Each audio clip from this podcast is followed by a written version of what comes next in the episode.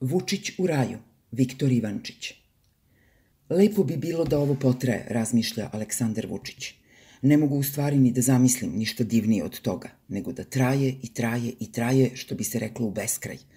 Vojska na ulicama, policijski sat, zavijanje sirena, strah u kostima, žmirkava svetla patrolnih kola, veličanstvena lepota demokratske strahovlade, a ja bez lažne skromnosti mogu da kažem sudbina naroda je u mojim rukama, odnosno, mnogo tačnije, ima svi da me slušaju. Amen.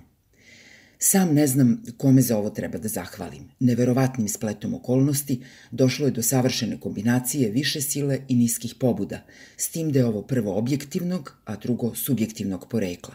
Prvo je možda Božji, a drugo sigurno moj doprinos opštoj situaciji, jer logika borbe protiv smrtonosne bolesti u potpunosti je izokrenula uobičajena shvatanja čovekova ponašanja u kriznim momentima.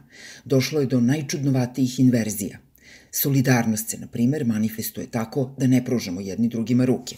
Bliskost sa dragim ljudima potvrđujemo držeći ih na distanci. Zbijamo redove razvajajući se. Mobilišemo se putem pasivizacije, tako da sam ja došao u priliku da tu sveopštu izokrenutost iskoristim kao unosa nadut, tačnije da svoje autoritarne namere pokazujem kao humanitarna nagnuća, da tiranske metode predstavim kao borbu za spas i dostojanstvo ljudi, što do duše radim i inače, ali sada je sve to nekako normalizovano, nekako lišeno sumnji, nekako samorazumljivo i opšte prihvaćeno. Viša sila je naprosto obavila konverziju mojih želja u moje obaveze. Ne znam da je išta bolje moglo da se desi. I budući da sam se sretnim susretom više sile i niskih pobuda, odjednom našao u poziciji da vladam sam, potpuno neometan, bez lažne skromnosti, mogu stati pred ogledalo i izjaviti. Otkad je zavladala bolest, moja vladavina puca od zdravlja. Ili, što bi rekao Karl Schmidt, koga nikada nisam čitao, ali sam video da ga čita Šešelj, suveren je onaj koji ima moć da proglasi izvanredno stanje – E pa, u tom pogledu mogu potvrditi da sam danas super suveren, da sam turbo suveren, da koristim suverenost na sva četiri kotača. Tim pre, jer se usred parlamentarne demokratije nisam izložio riziku da mi parlament dodeljuje apsolutne ovlasti, nego sam ih dodelio sam sebi, što znači da sam de facto bio suveren i pre nego što sam proglašenjem izvanrednog stanja potvrdio svoju suverenost – kao što u čuvenoj osmoj tezi kaže Walter Benjamin, koga ne samo da nisam čitao, nego nisam ni čuo za njega. Izvanredno stanje je trajno.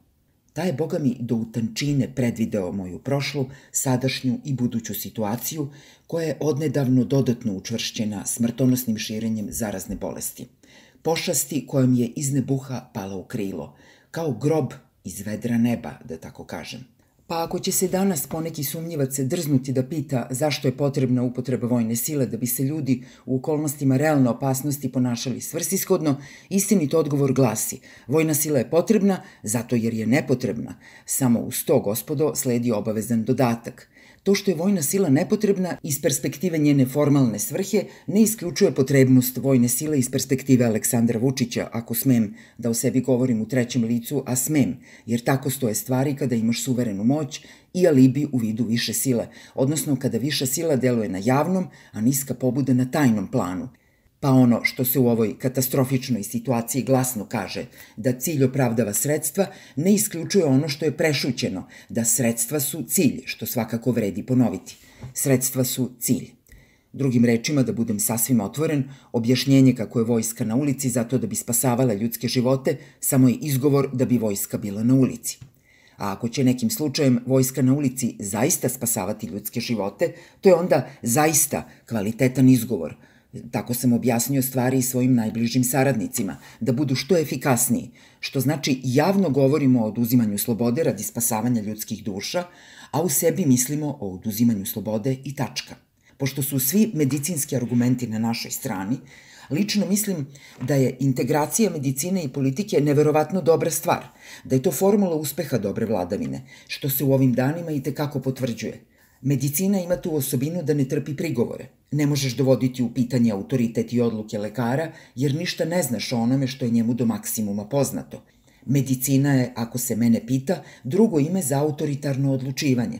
A pošto se politika danas bavi isključivo biomasom, to jest upravljanjem ljudskim životima, bez obzira da li je reč o tome koliko će ljudskih života biti spaseno u Beogradu i Nišu ili koliko će njih biti oduzeto u Srebrenici, pošto se dakle celokupna politika svodi na biopolitiku, kao što tvrde Foucault i Agamben, koje takođe nisam čitao, to mi se čini savršeno logičnim da se lekar i političar srode u jednoj te istoj vladajućoj jedinici, a ta jedinica je utelovljena u mojoj ličnosti. Razume se, ja sam u poslednja 24 časa toliko naučio medicini da nema tog primarijusa koji mi može biti ravnopravan.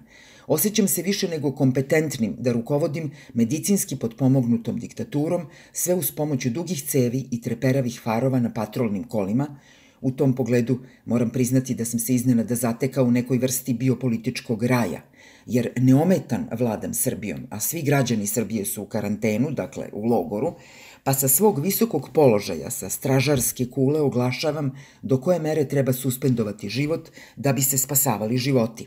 Suspendovanje mi naprosto ide od ruke, kao što sam suspendovao ustav i zakon da bih utvrdio vlast u prostoru anomije, tako da ja budem taj koji odlučuje ko sve i kako krši zakon, kad zakon nije na snazi, imam u tome već iznimno bogato iskustvo.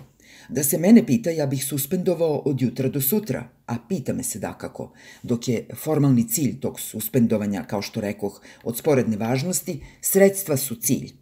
Kada se već viša sila ponudila da posluži kao maskirna uniforma mojim niskim pobudama, Tu sam u nekom filosofskom smislu prilično na tragu Clintonu Rositeru, za koga takođe nikad nisam čuo, ali ga izuzetno cenim. Kada se on zalagao za nasilno očuvanje američke demokratije i konstatovao, citiram, nijedna žrtva nije prevelika za našu demokratiju, najmanje od svega privremeno žrtvovanje same demokratije. E sa takvom sam logikom i ja bolesno opsednut zdravljem nacije. Do toga da sam ga rešen braniti tenkovima, možda i avijacijom. Do toga da sam zamalo spreman uzviknuti dobit će metak u čelo ko ne želi da živi. U redu, sad malo karikiram i preterujem, ali samo malo. Može se čovek upucati i u nogu da bude teže ranjen upravo onakav kakav nam treba. Često mi se dešava kad posle napornog dana naveče sklopim oči da zamišljam kako ranjene građane Srbije u dugačkoj koloni vodim preko Neretve, kao što je to radio Čiča Draža, i da to činim iz čiste ljubavi, prema koloni kao takvoj, razume se, prema nekom redu, disciplini i poverenju u moju komadnu ulogu, U tom pogledu ponašam se kao beskonačni rezervoar emocija. Do te mere volim svakog građanina Srbije da poželim trenutačnu smrt svakom građaninu Srbije koji u to ne veruje. A Boga mi ima i takvih. Javljaju se i u ovim najtežim momentima, pa kritikujući mene siju malodušnost i ruše moral srpskom narodu. Oni izrodi sa peščanika recimo čak objavljuju moja neautorizovana razmišljenja, najintimnije misli koje nikada ne bih glasno izgovorio, a kamoli publikovao. Pitanje je dana kada ću sve to da zbrišem i zabranim, da pogasim portale i isključim zločinačke društvene mreže, kada mi već izvanredno stanje, koje sam uz pomoć odrešenih ruku proglasio, omogućava da imam odrešene ruke i kad mi viša sila daje vetar u leđa, pa su se moje niske pobude napuhale kao jedra na olujnoj buri, sam ne znam kome da zahvalim za takvu priliku. Ako je zaista Bog ovo priredio, dobit će počasnu iskaznicu SNS-a, a možda, samo možda, i podpredsedničku funkciju.